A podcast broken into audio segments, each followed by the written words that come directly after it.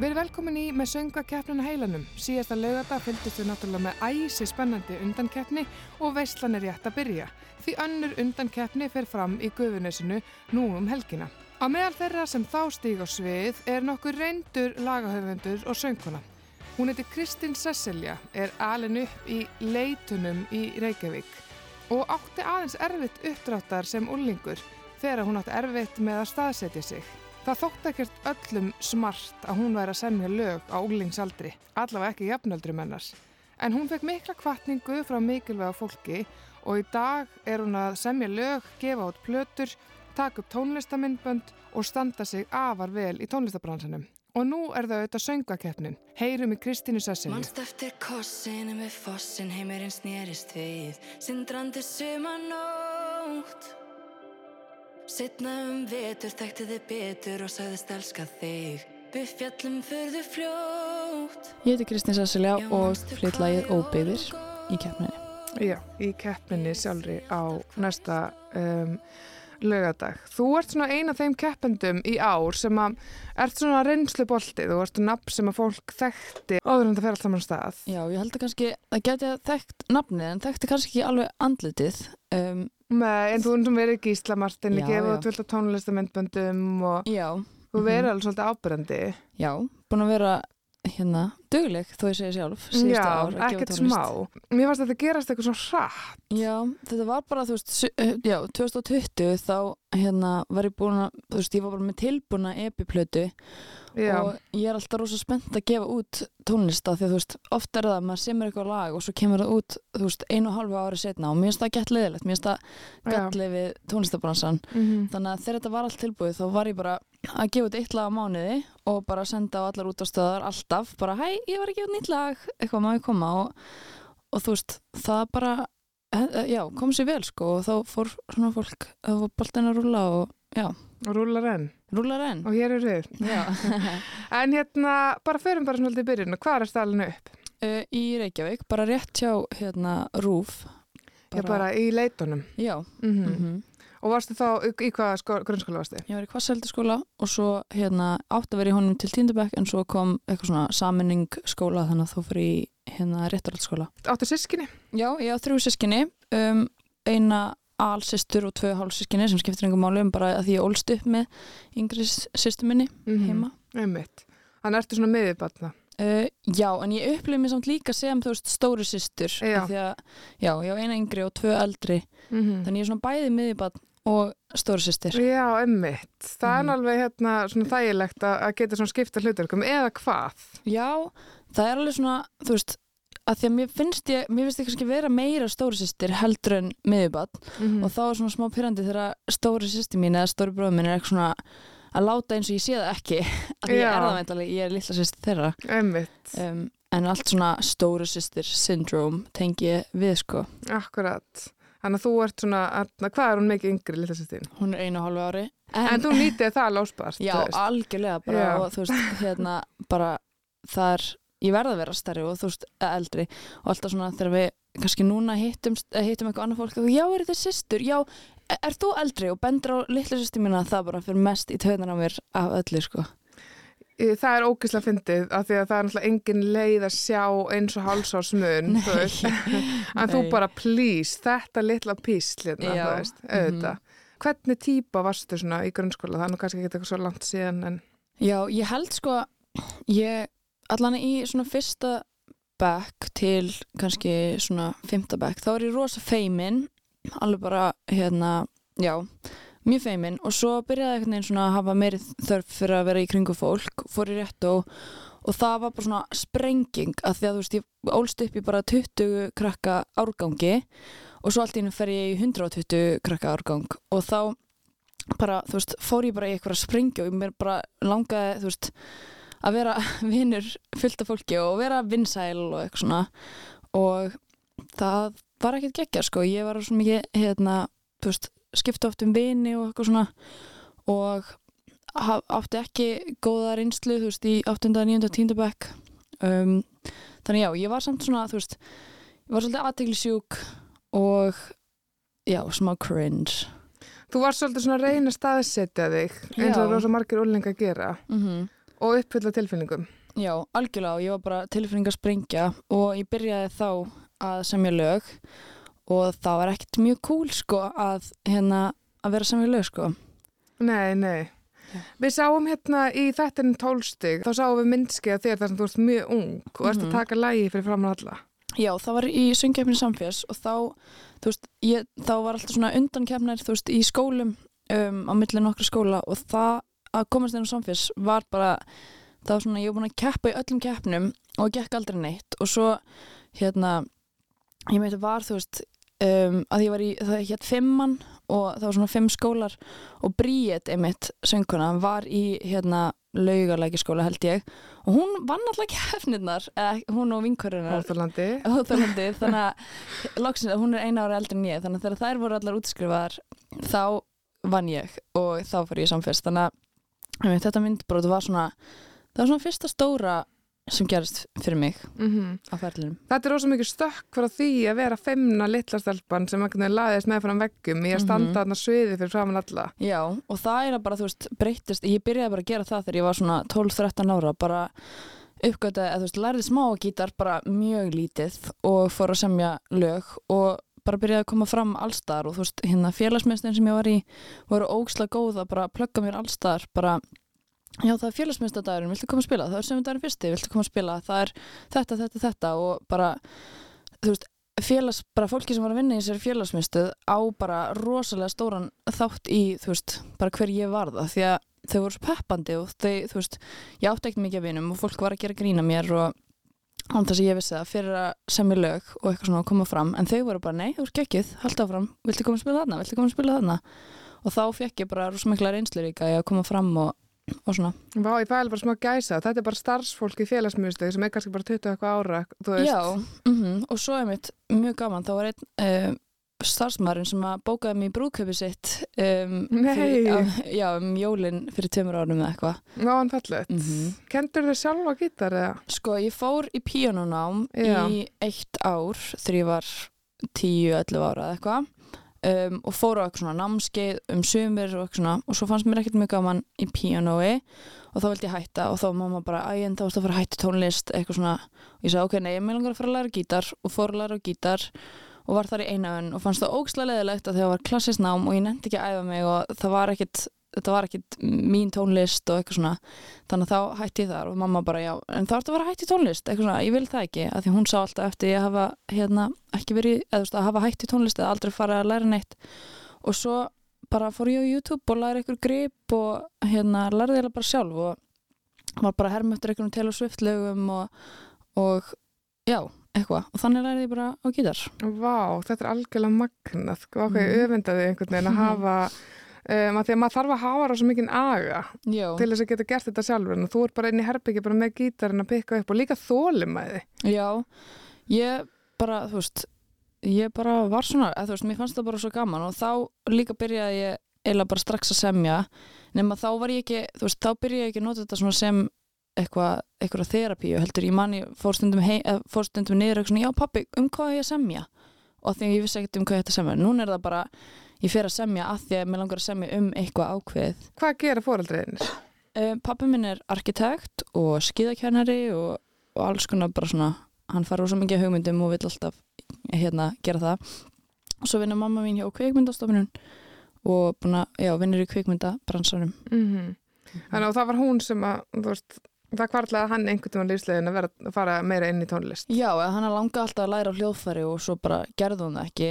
Um, og þá svona, já, bæði ég og yngri sýsti mín þurft, þurftum, eða við þurftum ekkert að læra hljóðfæri en það var svona, hún, já, litla sýsti mín, eða yngri sýsti mín, læriði á hérna þverflöyti og já, ég fór í píano og gítar. Mm Hvað gerir svo eftir rétt og þú fyrir mentarskóla? Mm Ég fór í um, MH og var þar í eitt ár og sótti svo um í hérna, alþjóðlega mentaskóla Mm í Nóri og komst ekki inn og það var bara svona fyrsta alvöru sorg lífsmýns að komast ekki inn í hann. Að því var ekkert mjög hafmyggisum heldur í MH og var þar í eitt ári viðbútt og svo komst ég inn í, eða sótt aftur um og komst inn í hérna svona alþjóðlegan heimavistaskóla í bara sveitinni í Nóri Vá. Magna að það sé eitthvað sem að, þú veist, úlingur þrá að gera, að fara eitt til Norex í sveit að búa heimavist? Já, ég bara, veist, ég, alltaf, ég var alltaf í svona alþjóðlegum sömubúðum sem þetta sé svaff. Já, um, og ég einhvern veginn bara, þú veist, ég veit ekki af hverju en ég bara fann mig ekki uh, á Íslandi. Og mér fannst ég alltaf bara, þú veist, ég átti ykkur vinni og svo bara endist svo vinn þetta ekki og bara fekk þá flug í hausinn bara mörgum árum áður að þessi skóli væri bara að fara að bjarga öllu. Mhm. um, og hann gerði það sko. Og bara, þú veist, já, fór í svona heimaðastaskóla og þetta er svona alþjóðlega heimaðastaskóli það eru 200 nefndur frá 90 löndum.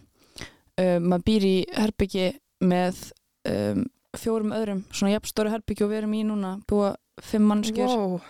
mm og þar, þú veist, kynntist ég bara bestu vinni mínum sko. Og bara var alveg akkurat það sem ég vildi. Hvaðan eru þau? Um, einn frá Nóri um, en hefur aldrei búið í Nóri einu önnur frá Nóri um, og einn frá Armeni og Hollandi. Mm og svo frá Kenya og Marokko og hérna, Indonésiu og svona. Einmitt, þetta lítur að stækka heimiðin svolítið. algjörlega. Mm mm eða mingaðan líka sko því að bara Já. maður þekkir fólk úr öllum vendum Akkurat. Og er það stuttu eftir þetta sem að þú byrjar? Ég veit að þú þetta í stelpur rokka. Já, það var bara, þú veist, það var bara þegar ég var 12 ára eða eitthvað, 13 þá skaraði mamma mig mitt í stelpur okkar og þá veist, mér, þá var ég búin að vera eitthvað svona í tónlist og eitthvað svona tónlista svona námskeim á sumrin en þorði aldrei að syngja og emitt, eins og ég sagði frá í kynningaþættinum þá bara skaraði mamma mig í seng og ég var bara oxlapyrruð og um, en kom svo bara fram í hljómsveitinni The Mermaids og með fremsami lag. Um, og já, það er svona startaði þessu sko. Það er svona, Mhm. þá, fór, þá fór ég að þóra þessu Mm Hérna, það er eitthvað svona, eitthvað sem fólk veitur svo mikið um þig að þú sér og sveitt aðdandi. já, ég segi það bara held ég öllu, öllu viðtölum Emmitt, ég var eitthvað svona að tala um að þú var að koma til mín og voru allir bara eitthvað svona, já, þú veist að hún elskar Taylor Swift og ég bara, já, ok, þannig að það er bara eitthvað sem að, einmitt, allir vita. mm. Að þú uppgötur hana svolítið snemma. Hvað ætla að sé, þú veist, við hennar lagasmiðar sem þú tengir svona mikið vinkun, með vinkunum minni þá var það þú veist, þegar við vorum með gistipartí þá fórum við á YouTube og hún mátti velja eitt lag og ég mátti velja eitt lag og skiptum svona og hún valdi You Belong With Me með henni og við vorum með það á sjónvarpinu og hún var með, þú veist, myndbandið Sem ekki að aukt. sem er geggjað og ég bara svona hreifst af því bara þú veist þetta er eitthvað svona ástasaga og hún gett sætt og Gaurin gett sætti líka og svona og ég bara fann, mér fannst það ótrúlega cool fyrst og ég var svona svolítið, og hef alltaf verið smá svona hrifin af fræga fólkinu sko og hef áhuga á því. Og svo bara þú veist fannst mér þetta vera rosa næst tónlist og hérna ég man svo lítið eftir einhvern veginn en ég var bara svolítið heldtekin og hef alltaf verið bara af, af henni og hennar lagasmiðum Mm og hún er rosa persónleg í sínum lagaskrifum og bara og svona segir sögu um, og mér finnst það rosa heillandi og ég vil gera það með lögunum mínum Og ég menn þú gerir það algjörlega. mm.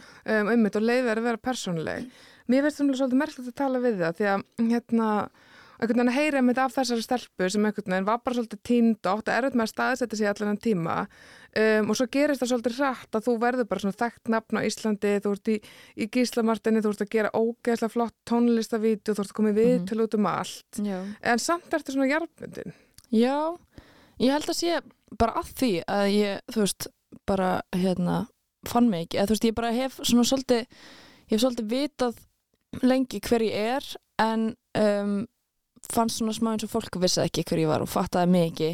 Um, og það hefur, þú veist, öll reynsla hefur áhrif á mann þannig að ég er ekkert að fara í eitthvað egotripp, ég, það er nú ekki, þú veist, fólk veit nú ekki það mikið hver ég er. En það er alveg satt, að þú veist, ég er búin að vera að gera fullt sko og bara að, ég er búin að koma fram á sviði og í sjónvarpa áður, þú veist, það er alltaf að vera að tala um einhverja keppendur sem voru að keppa í hérna, Ísland og talent, ég var líka í Ísland og talent og fekk gullnappinn og var í úslendinum og eitthvað svona, hvað varstu gömul þá?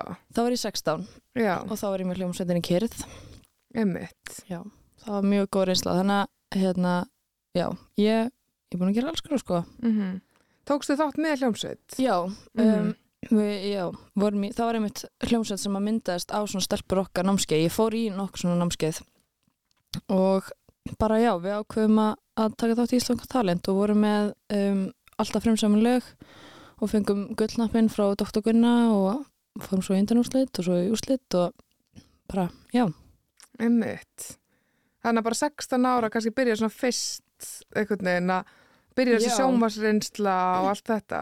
Já, um, og þá þú veist já, einmitt, þá fór þetta svona smá að staðin svo gerði ég ekkert að þú veist, svo var ég bara hérna, ég fattaði einhvern veginn ekki að maður gæti verið tónlistamæður og gefa út tónlist. Þannig að fyrir en bara nokkur mannum setna þá svona já ok, byrju, ég ætla bara maður getur bara gert það sjálfur, ó ok og þá bara fyrir maður á TuneCore og .com og gefur út einhver lög þar Hvernig byrjaði það? Þú veist, varst að gefa út sjálf á netinu eða hafðir, þú veist, varstu strax komin í samband við einhver svona pródusent eða eitthvað leis? Sko alls ekki, mér fannst nefnilega eitt af erfiðasta bara var að hérna, finna pródusent og bara fólk að því ég var með rosa mikið lögum en vantaði bara eitthvað utanum þau svo hérna var ég eitthvað svona bara að reyna að gera eitthvað sjálf og svo fór ég, skræði mamma mig, einmitt hún er rosa mikið að skræða mig í svona liti á hérna lunga 2019 held ég og hérna fór á svona,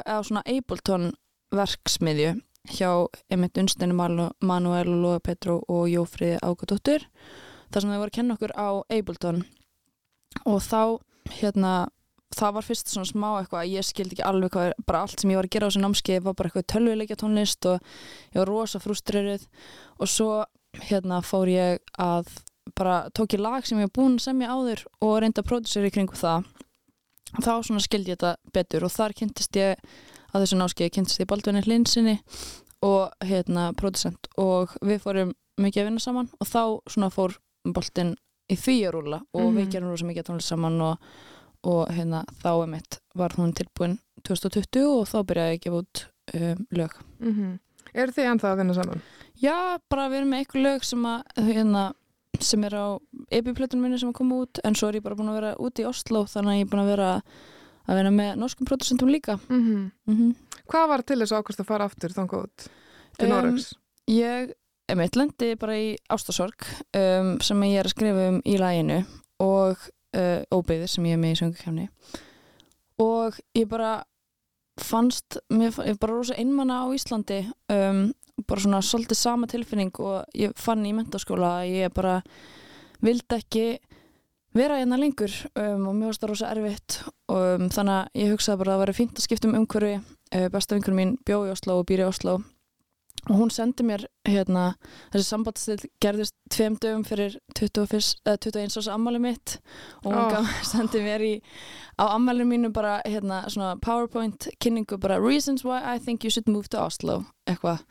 Og hún sagði þetta svona smá í djóki og svo bara hugsa já ok, kannski, kannski á ég bara að gera það. Og gerði það svo bara því að hérna, já, hún langaði að skipta um umhverfi Hvernig var að halda upp á ammæli sér tveimur dögum eftir sambandsveit? það var mjög erfitt en það var alltaf lagi um, ég var að vinna í frístund og það bara svona bjargaði mér að því að krakkarnir elskuði mig og ég elskaði krakkana og svo fyrir ég út að borða með mömmu, pappa og sýstu minni og eitthvað bara ég gæti Mhm. ekkert borðað en, en það var, það var allir að búa, góði við mig og, og Það svona er allan gott. já, En ég meina að það er, þú veist, eitt af því sem þú hefur svolítið verið að semja um er einmitt svona eins og bara rosalega mikið af stjörnum og, og hljómsveitum bara gegnum tíðina. Við erum svolítið að fjalla um bara ástina mm og þú fjallar um hann svolítið frá öllum hliðum. Uh, þetta er bæði, þú veist, bæði sorgin en svo líka svona hvernig þú tekur valdið aftur. algjörlega og hérna að það þú veist ég held að, maður, að fólk bara og maður sjálfi gerur svo lítið úr ástasorg en þetta er bara ógeðslega erfitt og það er svo ótrúlega flóknar tilfinningar og margar mismöndi tilfinningar sem koma að ástasorg og svo mikið sem að gengur í gegnum þetta er bara svona sorgaferli um, og þannig að það er, það er mjög mikið sem maður getur skrifað um sko. Mm Tilfinningin það bara, þú veist, heimurinn bara var hrýnir yfir mann Já, og það er náttúrulega bæði, þú veist, það er söknuður og náttúrulega höfnun og ég veit ekki hvað og Mhm. hvað. Og ég meina, sögum er náttúrulega leggjast í kör en fyrir þig tekst þér að nota þetta í sköpun. Já, ég bara, ég verð bara veginn til þess að díla við þetta, verð ég að vera að skrifa lög. En, en það er ekki allt, þú veist, eins og segir, það eru margar liðar á þessu og, og ég skrifa um þær, ég vil ekki allt, þetta er ekki allt einhver melankólia, einhver dramakasti, heldur, finnst mér líka mjög gaman að gera, gera það fyndið, gera grín að sjálfur mér, gera grín af þeim sem eru búin að brjóti mér hjartað á, Mhm. á góðan hátt, ekkert eitthvað svona, á, já, ekkert skamma neitt þannig, eða smá skamma kannski en bara svona, já, setja smá léttist að það. En svo eru óbyggðir, við erum svona aðeins meira, kannski svolítið svona í sorginni.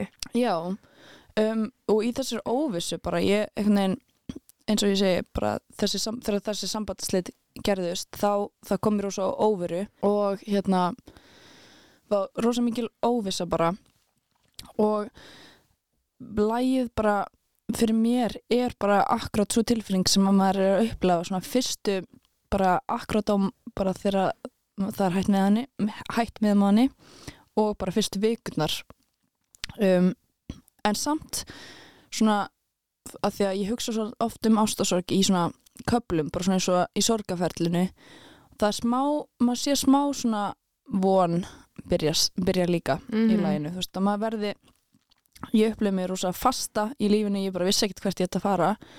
Bara bókstaflega og hérna myndræntlega séð.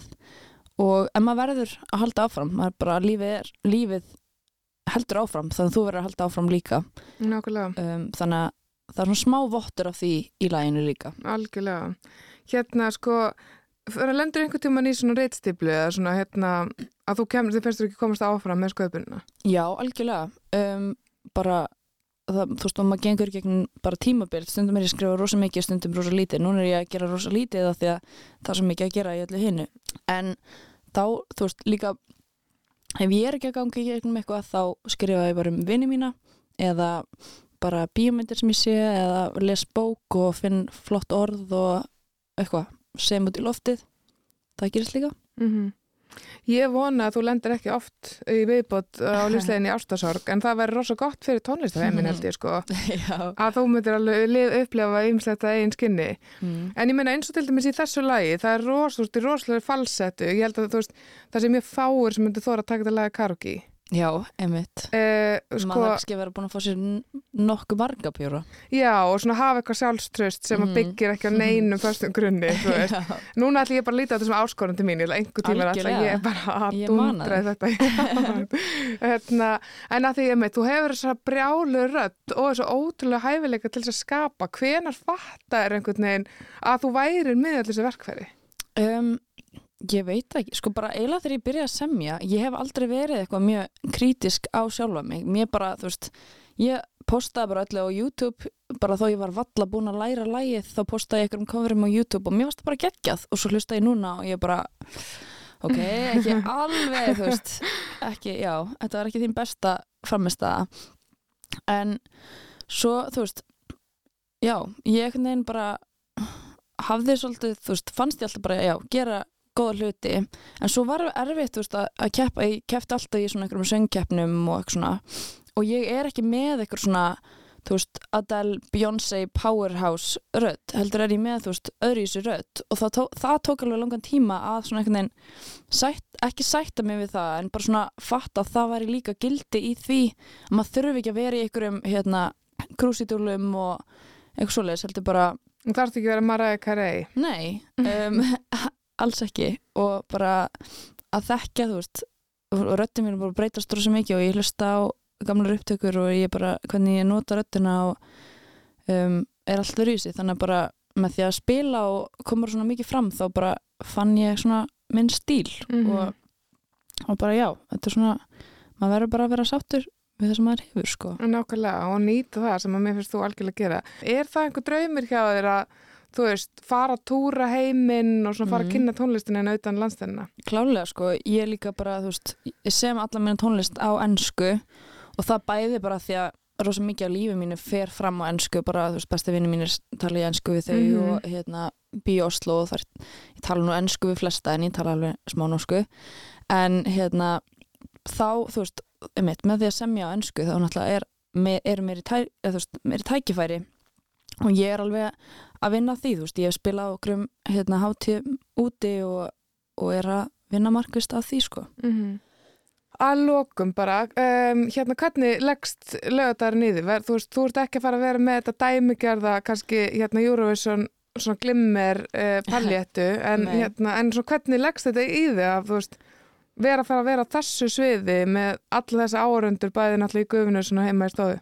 Ég er bara ótrúlega spennt um, og ég er rosa spennt, þú veist, að því ég er búin að sjá aðtreið mitt svona í bútum þú veist, maður er bara að æfa ekki með neina grafík og ekki í fötunum og ekki máluð og svona og ég er mjög spennt að sjá þetta allt púslast saman bara, og ég held að áhundur ætti líka að vera spenntið sko. Ég get allan satt að vera sjálf með, ég er mjög spennt Kristín Sessilega. Takk innilega fyrir að kíkja til mér og gangið vel lögða. Takk fyrir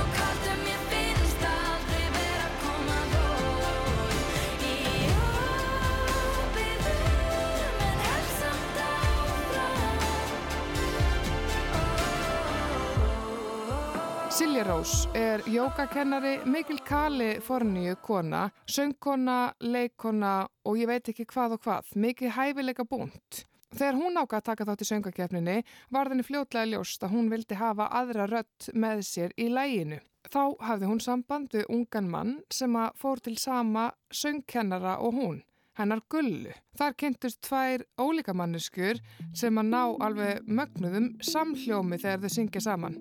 Heyrum í Silju Rós og Kjalari. Þú lífsins vindur, ringrá sem syngur, í flæði þú ferðast víðar nú, staðreindin er svo. Ég skýja naðri, sveima hátt í heiminn kvolfi. Ég fylgi þér hvert sem er, þinn ströymur í til mér. Já, ég heiti Silja Rós og ég heiti Kjalar og lægið okkar heitir Ég stið þína braut eða á ennsku Together We Grow. Það er svolítið svona dulafullur fílingur í, í eitthvað lægi. Maður fer Mhm. eitthvað en strax í eitthvað svona, eitthvað svona rosalegt svona hljóma ferðalag og hérna, lí, mér líður mjög vel á, á þessum slóðum sem þið bjóðu okkur á og hérna, og samhljómurinn ykkar er einmitt svo, virkar svo rosalega vel. Ég verð bara svona einhvern veginn að byrja að spyrja bara hvernig lágu ykkar leiðir saman? Já Við erum búin að þekkjast í svona tvö ár Já, hvað svo leiðis? tæp Já. En við erum sett saman í tónlistaskóla Mm kynntumst þar Með sama söngkennara hana Gullu, bestu. Þannig að það er gullu að þakka að við fáum að heyra ykkur syngja saman í söngkefninni. Já, í rauninni, Já. sko. Hver er gulla? Hún er bara besti söngkennarinn. Já, söngkennari já. í heimi Hún Mhm. er æði. Bara búin að fylgja mér í FIH og MIT þau ár sem ég verið þar. Og já, ég var alltaf núna senstu ár á eftir kjalari í tíma. mm -hmm. Þannig að ég lá svona á hurðinni og var alltaf að hlera. Hvaða snillingur er þetta að velta mér? Vá. Já, það var alltaf tekin smá svona fimm mínútur Já. eftir tíma spjall Já, ég bara, já, hvernig þegar gekk ég að var þér? búinn og hún var að koma Já, Já. Þegar ég fór aðeins að svona grúska, svona bara aðeins um ykkur, þá komst ég til dæmis að þið voru bæði í Vestló. Já, þessar. Voru þið bæði, þú veist, voru það að taka þátt í leiklistinni og voru þið söngnum, þú veist, var þetta allt komið að stað svona á mennskóla aldrei? Já, ég hérna, ég fór í vælið og demo, vann mér þess að demo einu sinni. Demo er byrju, Það er lagahöfundakefnin. Þannig að ég byrjaði svolítið snemma þar og bara þegar ég var busi. Og síðan, já, nemo og, og var í listafanemdini, þannig að ég var eiginlega bara í versla fyrir félagslífi, sko. já sama róli Já, Væli, demo, listó, nemo gerum þetta allt. Já, En hérna, hvar, uh, til dæmis að þú Silja, hvar ert þú alveg upp? Herðu, ég er, ég er vesturbæðingur, en ég er líka Kaliforníu búi í mér, sko. Býttu nú við. Ég, hérna, ég byrjaði á því að alast upp í Chico, California, í norður Kaliforníu. Þannig að þegar ég síðan flutti til Íslands, þá hérna, var ég mjög mikill kani í mér, knúsandi alla og, og allt og opinn fyrir alla hérna krakkana. Já, það er bara að vera þessand fyrir þau. Sko, hva, hvað var fjölskyldin að gera þar? Herru, pappi var í, hérna, í námi úti í, uh, í skóla í Chico, Chico State, tölunafræði. Þannig að ég, já, við vorum þar í fjögur ár cirka. Og mannstu mikið eftir þessum tíma? Já, ég á ennþá alveg vini Ok, okay. fyrstu vini mína. leikskóla vinnu bara. Já, sem ég er alveg í sambandi við í dag. Þannig að hérna, En Já. svo er það bara vesturbærin. svo er það vesturbærin. Mm Já, Þannig þú ert líka, þú ert svona west side kona. Ég er vestsætt kanta. kona, já. Emmitt. En þú kjallar. Já, ég er fættur í Þýskalandi og bjóð þar í fyrstu sex ár lífsmýns, pappi minni satt þýskur. Mm og uh, bara á mjög góðar minningar þaðan. Og hérna svo þegar ég flutti til Íslands þá fluttum við á Kársnesi í Kópavænum Já, og ég var þar alveg til 20 ára aldurs og þá flutti ég út svo að heiman og bý núna í Vesturbænum. Þannig að ég er búin að joina Going í það. Já. emmitt. Þannig að hérna, þið ekki hittist kannski alveg í mellabúðinni og svona.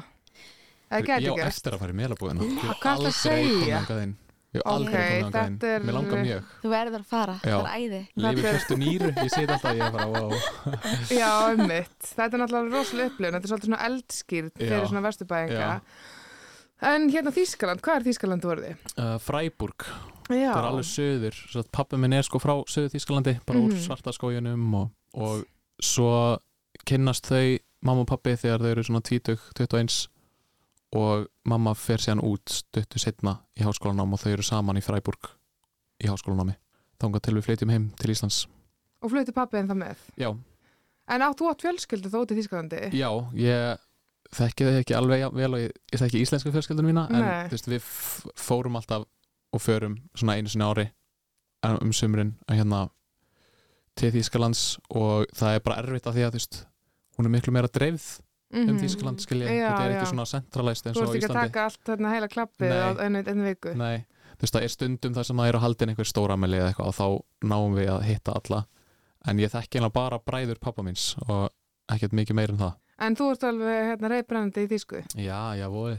Einmitt, við getum tekið það hérna, við, fá, við fáum smá tóndæmi frá þér við erum gott tækifæri og voru þið bæði svona að þið voru þú veist bæði í vælinu í öllu þessu í mentaskóla, voru þið svona þú veist komið ljós snemma svona að þið væri listniði krakkar Já.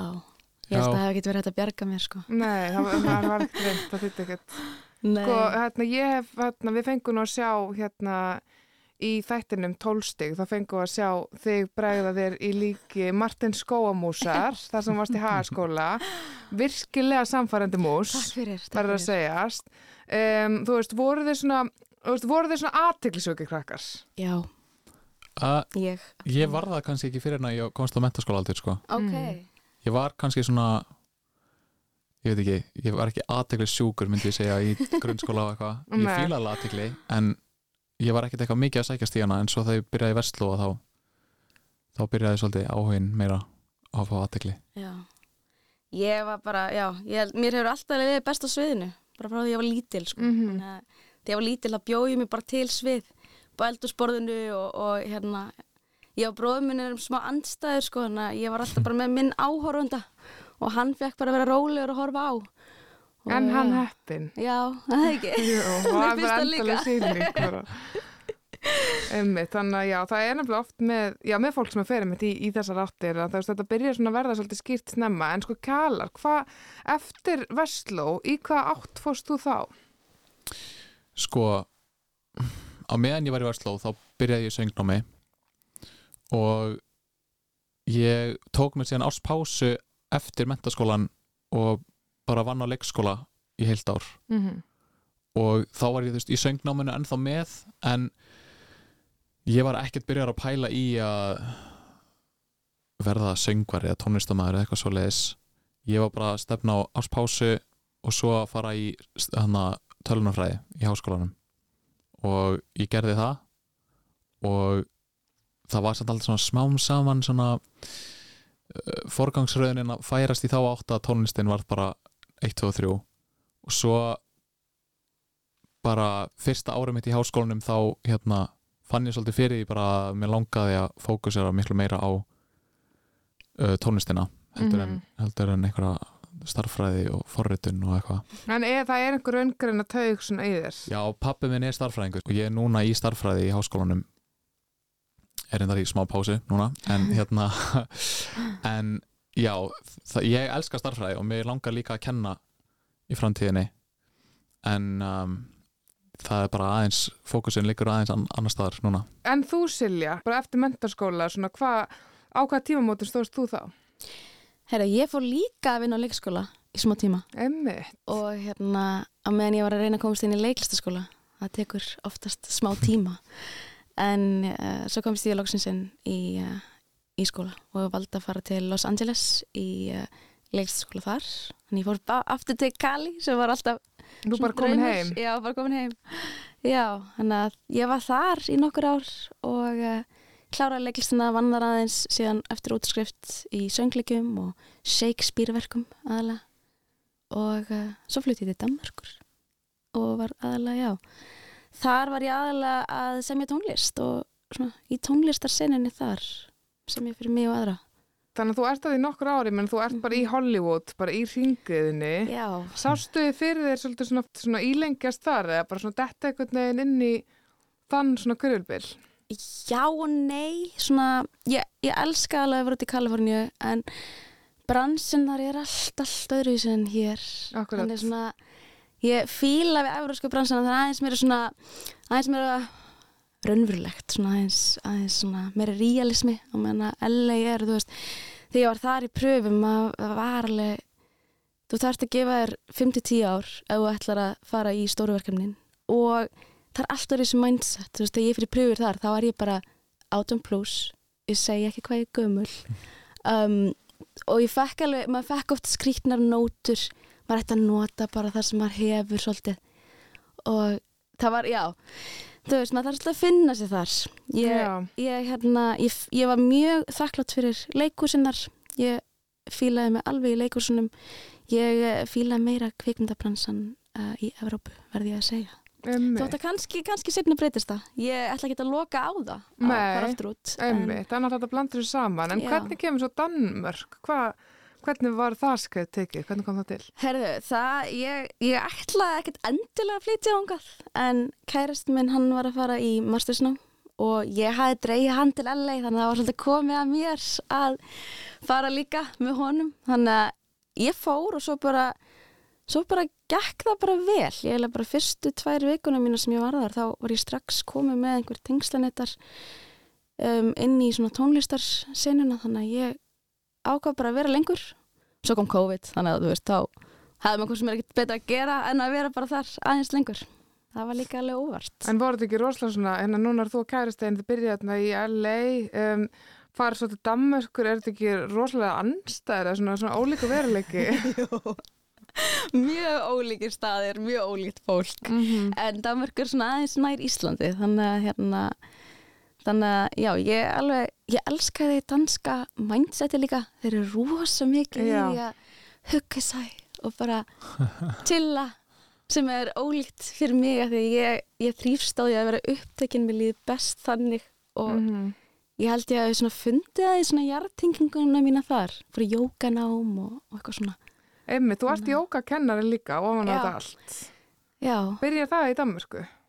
já, ég var alltaf búin að vera í jóka bara frá því hætti dansi um, bara sem svona reyfing og, og tenging við andlegu hilsuna líka. Svona jartengdi mig alltaf og var samt svona meira í hotjókanu svona alltaf í svona powerinu. Og svo ákvað ég bara að fá mig kennsluréttindin og það var eiginlega alveg óvart sem ég fór að kenna. Ég ætlaði ekki að fara að kenna gerði þetta fyrst bara svolítið fyrir mig en svo fekk ég bara vinnu og saði bara já við henni. Hvað er þetta að kenna? ég byrjaði í, í Danmörku kendi þar í, í eitt ár. Og svo núna er ég í sólum nýra á Granda. Neða, ég er svona, það er svona það er svona jafnvæði mitt í þessum skrýkna bransa. Því að svona verandi leikona handitsöfundur, tónlistakona það er alltaf í bara flæði verkefni koma og fara og stundum er brjálað að gera þessu núna og stundum er ekkert að gera og það er mjög gott að hafa jókað Ég meina núna er Silja Kjala, nú er Silja búin að lýsa þig sko, að hún sé bæði, hún er svona Kaliforníu gæla að því leita að hún hérna, einmitt ótrúlega opinn, svona faðmar alla, það er eitthvað einn svona situr í henni og svo er það þetta danska, þú veist að kunna að hafa á kósi, andars að við ætlum að fara ykkur á sleggjadóma. Þegar ég hugsa um sko Þískaland, þá er svona þessi þíska nákvæmni, þar gæti kannski starffræðingun svolítið komið inn. Já, Er eitthvað svona hlutar finnust, er eitthvað þjóðveri hérna yfir, er eitthvað svona hlutar af þér sem að er eitthvað svolítið þýskir? sko Já, ég er alveg svakalega mér líður mjög illa í óskipulögðu umhverfi ég alveg bara, ég þólið það ekki en samt lendi ég alveg oft í því bara sjálfum mér að kenna, þú veist, heima eitthvað, allt í drasli eitthvað. En það er nefnilega málið er sko að pappin hinn er ekkert lengur voða mikil þjóðveri stundum, Nei, hann, er, smitast hann hefur smitast frá með mig aðeins og mhm, eins og hann er bara það er alveg góð frestunar átta í honum og, og hérna og bara svona ekkert alltaf verið að vinna mikið á plani sko, eða svona einhverju dagatali ákveðinu nei, en svo skín hann stundum í gegn þjóðverin já. En já, ég klárlega, það er klárlega þjóðveri í mér sko. Mhm, og hérna ég tengi stundum alveg mjög mikið við pappa þegar hann er að svona lýsa sínum upplifunum eitthvað á íslensku samfélagi og svona, eitthvað svona hvað honum fannst skrítið þegar hann kynntist mömmu og svona, þá skil ég alveg hvað hann er að tala um. Einmitt, en er þau ólík? í, þau eru bæði róleg sko ég, þau eru bæði mjög svona mjög gott að hafa þessum fóraldra en, en þau þau eru ekki það ólíka að þau geta ekki verið gift í 20 ár þannig að, Nei, einmitt, en stundum er það svona anstæður hérna, verða svona yin og yang, sko. já, já, mamma, mamma mín er klárlega miklu slakari yfir hlutum en pappi sko. Veist, hann, er, hann er miklu meira að stressa sig yfir einhverju ef, ef eitthvað er ekki að fara nákvæmlega eftir planinu sko, en hún Mhm. er bara þetta er rettast Þá langum bara svolítið að spyrja, áttu sískinni?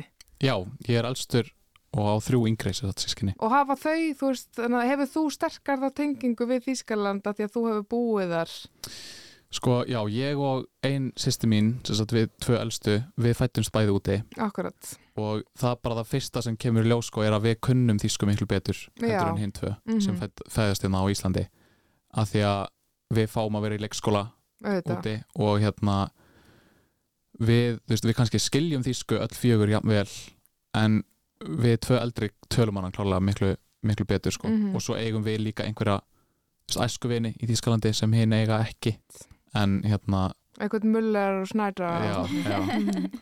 En, en ég myndi ekki kalla þau samt sko eitthvað minni þjóðveri heldur en okkur sko Nei, nei, einmitt, einmitt, já, það, já, akkurat. Þau verða nú fáfært með. Eh, en þú, Silja, hvernig er svona fjölskyldi minnstrið þitt? Herðu, ég á einn bróður og ég er elst af okkur tveim. og uh, já, sko, mamma og pappi, er, þau eru svona yin og yang, sko. Já, En einmitt líka búin að vera gift í, þú veist, 28 ár, eitthvað svo leis. mhm, Og pappi klárlega trúðurinn með ADHD, algjör, ég veist, við erum rosalega lík, ég og pappi. Mamma hristi stundum svona hausin og horfum hann bara, ó, tala eins og pappi. bara hvað kærist? Já, en hérna, en þau eru bæði alveg yndislega og, og stiðja mig alveg sama hvaða villir sem ég ákveða að fara út í, sko. Mm Svona, þú veist, auðvitað kom svona tímbila sem ég höf, höfðu smá að gera þessu, sko, ég ætla að vera listamæður. Af Því það er ekki mikið kannski í fjölskyldinni. Nei, Og pappa alveg, já, hvað með lögfræðing eða lækni eða eitthvað. En svo þegar ég sagði bara nei, þá bara, já, ok, alltaf læk, ég er hérna, baka. Þetta er frábært öður. Já, menn þetta minnir mig líka alveg svolítið á hérna lægi ykkar og, og svona inntakið í því af því að hérna það er mitt fjallar svolítið um með þennan stuðning og svona það að finna einhvern veginn sinn veg og, hérna, og, og íta undir eða svona hjálpa hvert öðru að fara, fara þennan slóða. Hafið þið bæðið mitt upplegað þennan stuðning, þú veist, hefur fjölskyldan ykkar, er, er, hún, er það mikilvægt að fá stuðning svona frá sinni nánustu? Algjörlega, bara 100%. Það, hérna, skiptir mjög miklu máli Mm fyrir mig allana. -hmm. Þótt að, þú veist, ég, ég hefði alveg gert það sem ég er að gera í dag, alveg sem hvort ég hef fengið stuðninga ekki, en það hjálpa manni klárlega Mhm. og mér finnst mjög heppin með það. Já, ég er mjög samanlega ég man bara þegar ég var að þú veist svona byrja, ég byrja að minka við mig í starffræðinni í háskólanum og eitthvað fyrir svona rúmi ári. Og ég var bara eitthvað, shit, hvað, hvað segir pappi núna? En þú veist, þau eru líka tónlistafólk þannig að hérna, þau skiljaleg hvað þetta er mikilvægt fyrir ef maður fílar þetta. Mm. og hérna og það, ég hef aldrei fengið eitthvað æ, kjallast, hvað er þetta að gera núna eitthvað, þau vita að ég veit sjálfur best Mhm. þannig að, Þannig að þú ert alveg upp við mikla tónlist á heimilinu. já, Mhm. þau kynnast í gegnum tónlist sko Hvernig það ákvaða hérna vettvangi? uh, pappi kom til Íslands hérna með einhverju svona þýskri hljómsveit sem hann var í hann spilar á klarinett og það var einhver svona sinfonía eða eitthvað svo og mamma spilar á fiðlu og þau voru ég veit ekki hvort þau voru að spila tónleikum á Íslandi eða hvort þau voru í æfingabúðu með eitthvað en þeir vantaði fiðluleikara og mamma og einhverja vinkonur hennar hlöpu í skarðið og Já, ok, the rest is history magna en þannig að það hefur alltaf verið tónlist sko og ég Já. byrjaði ungur að læra á píano og hérna En Silja, þú ert meiri svona skrattinu söðulegnum Smá sko, já. Það er svona, afi minn, hann, hann hérna, hefur alltaf stutt mikið við mig og setti mig í píanunám þegar ég var lítil. En hérna, fókusin minn var kannski ekki alveg í því að æfa mig. Ég vildi bara vera að spila eitthvað annað, eitthvað eftir eirinu. Mhm. Semja tónlist og eitthvað. Þannig að ég, ég svona helst ekkert lengi í því, kannski ykkur þrjú, fjör ár, en ég fann mig alveg í söngnámanu. Já, þannig að þú fannst, fannst þína braut Ég fann mína braut, já. og ert enn á henni eh, sko, ég get náttúrulega ekki sleppti að spyrja Kjallar eh, út í, já, þú hérna, sko, ædolið. Hvernig bara kom það til að þú ert allt í einu skráðu til leiks? Það var svolítið skyndi ákvörðun og þegar ég skráði mig þá átti ég ekkert vonaði að vera komin hingað sko. En þetta var svolítið, ég var svolítið skiptin á mig fyrir uh, fimm árum út í bandaríkjunum og hérna fór síðan að heimsækja síðasta sömar aftur. Og ég á alveg í mjög góð sambandi við hérna uh, við að fósturmömmu mína þar og hún ég var eitthvað að syngja og spila heima hjá henni og hún og sagði henni síðan frá eitthvað að ædolið væri að byrja aftur á Íslandi og þá var hún bara, heyrðu þú tekur og tekur þetta lag og dududum þegar hún hefur svo mikla trú á mig sko. Þannig að þetta var svolítið svona út frá henni sem, sem þetta byrjaði. Þannig að ótrúlega skamum tíma ferð þú út í að verða, já, sko, þekkt andlit á Íslandi. já, Hvernig á þau viðbrið verið? ég þetta er að skrýðast það sem ég upplega þetta er bara, þetta er bara eitthvað að vera að stoppa þig bara á meiri götu og eitthvað, ég held með þér ég held að kjósa þig í næstu viku eitthvað en þetta er rosalega gaman líka en Mhm. hérna mjög skrítið Mikil viðbrið. Já, en óslega bara þetta svona, er svolítið svona já, þú veist, núna, núna veit ég fyrir víst að þetta er óslega gaman og mér langar að Ok, það er Sökka mér ofan í Þú þetta. ert ekki eitthvað, ó nei, Nei, hvað er það nei. komin út í? nei, Ok, það er gott. Sko Silja, hérna, þú ert sko, já, leikona, um, lagahöfundur, söngkona og handritshöfundur. Já, Það er búið að vera svolítið að frétta þeim megin. E, þú kannski getur ekki gefið mér einhverja svona, hérna, einhverju smáatriði í því hvað þú ert að gera. En það eru þættir eftir þig, hvað komnir í framleiðslu?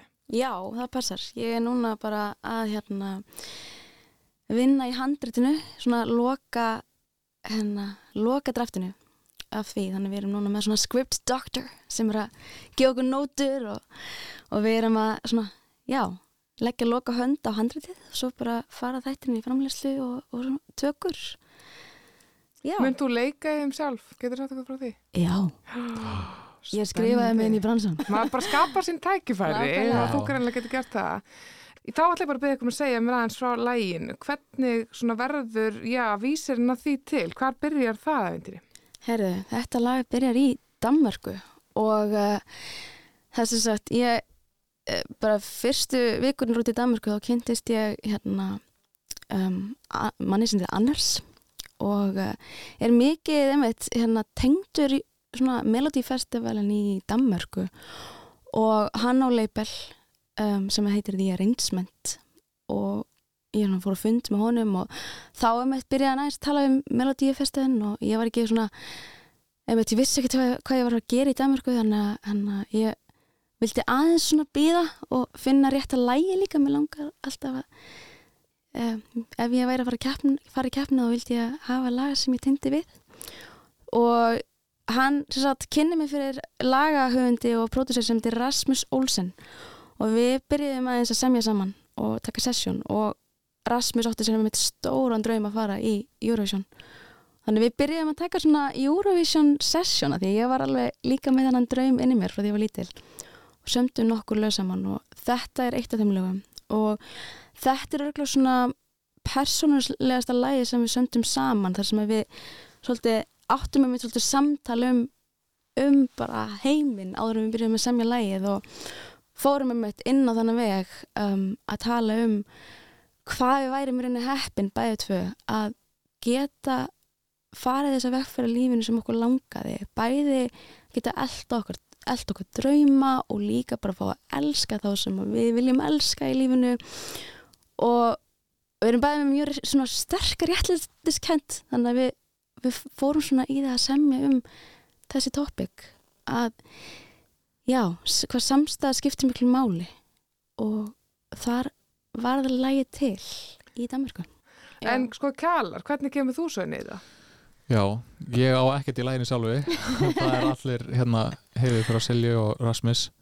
En það er bara Silja sem kemur til mín eftir söngtíman hana Bara heyrðu, við ætlum að það er ekki bara 500 og bless, Já. það er eitt erindi sem ég hún þig. var búin að hafa eitthvað senda með messenger kvöldi áður eitthvað eitthvað hei, ertu lausi í símtal? Eitthvað, eitthvað er, er með smá verkefni? Eitthvað. Og ég hafði enga hugmynd hvað maður tala um.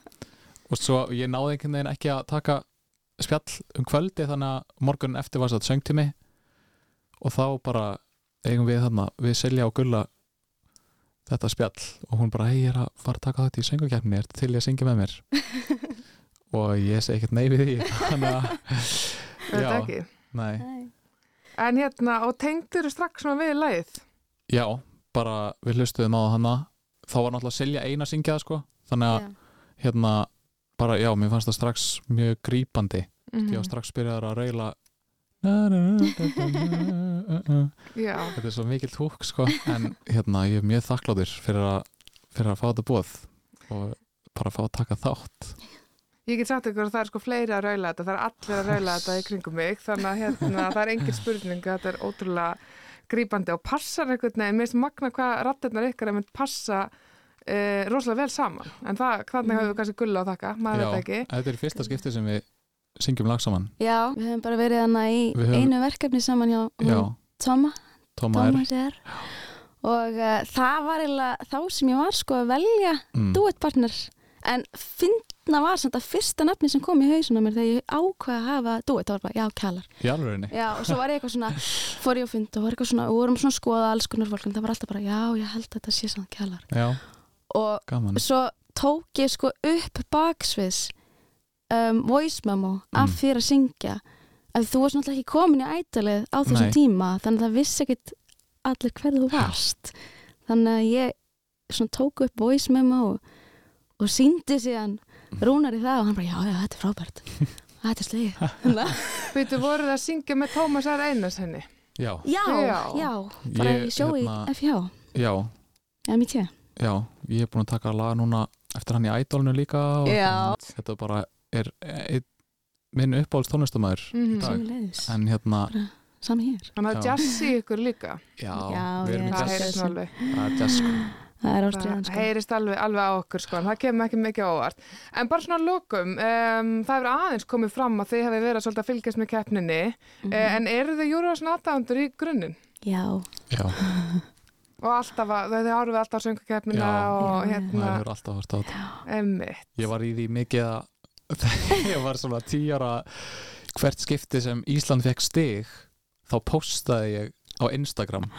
Yes! Þannig að komið bara eitthvað komið bara eitthvað tíu post frá mér um kvöldi alltaf mynd bara af kinnanum með eitthvað í sjónvarpinu bara eitthvað, fengum tíu stig frá Moldófi eða eitthvað Allir bara, ég veit það, Já. ég var líka að horfa, þetta er Já. alltaf góður. Já. kannski fyrir einhvern tímann að kynna stíðagjöfun Já. Já, við Það bara kastum eitthvað. þessu út í kosmosi, Já. kjalar í, í. Já. En ég menn það er annað fyrsta, annað mál á dagskrá sem er, já, næsti lögadagur. Hvernig eru þið svona gýrið í þetta? Hvernig er tilhugsun um að standa á sviðinu vitandi að það er svona 97% þjóðarinnar, já, bæði í gufunissi og límdi skjáin? Mikið spenna Já, mjög mikið spenna, ég get ekki beðið sko.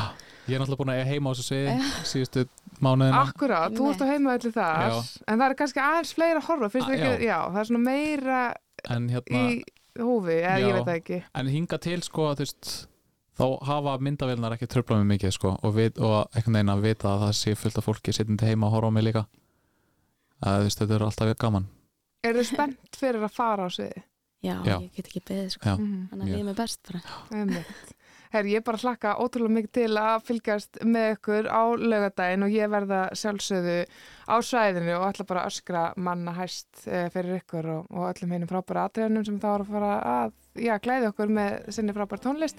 Takk innilega Silja Rós og Kjallar fyrir að spjalla við mig. Takk, Takk fyrir.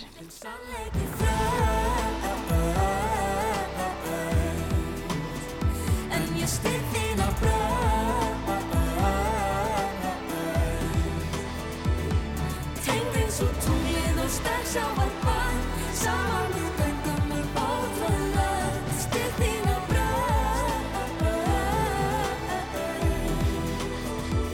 ekki lengra sinni.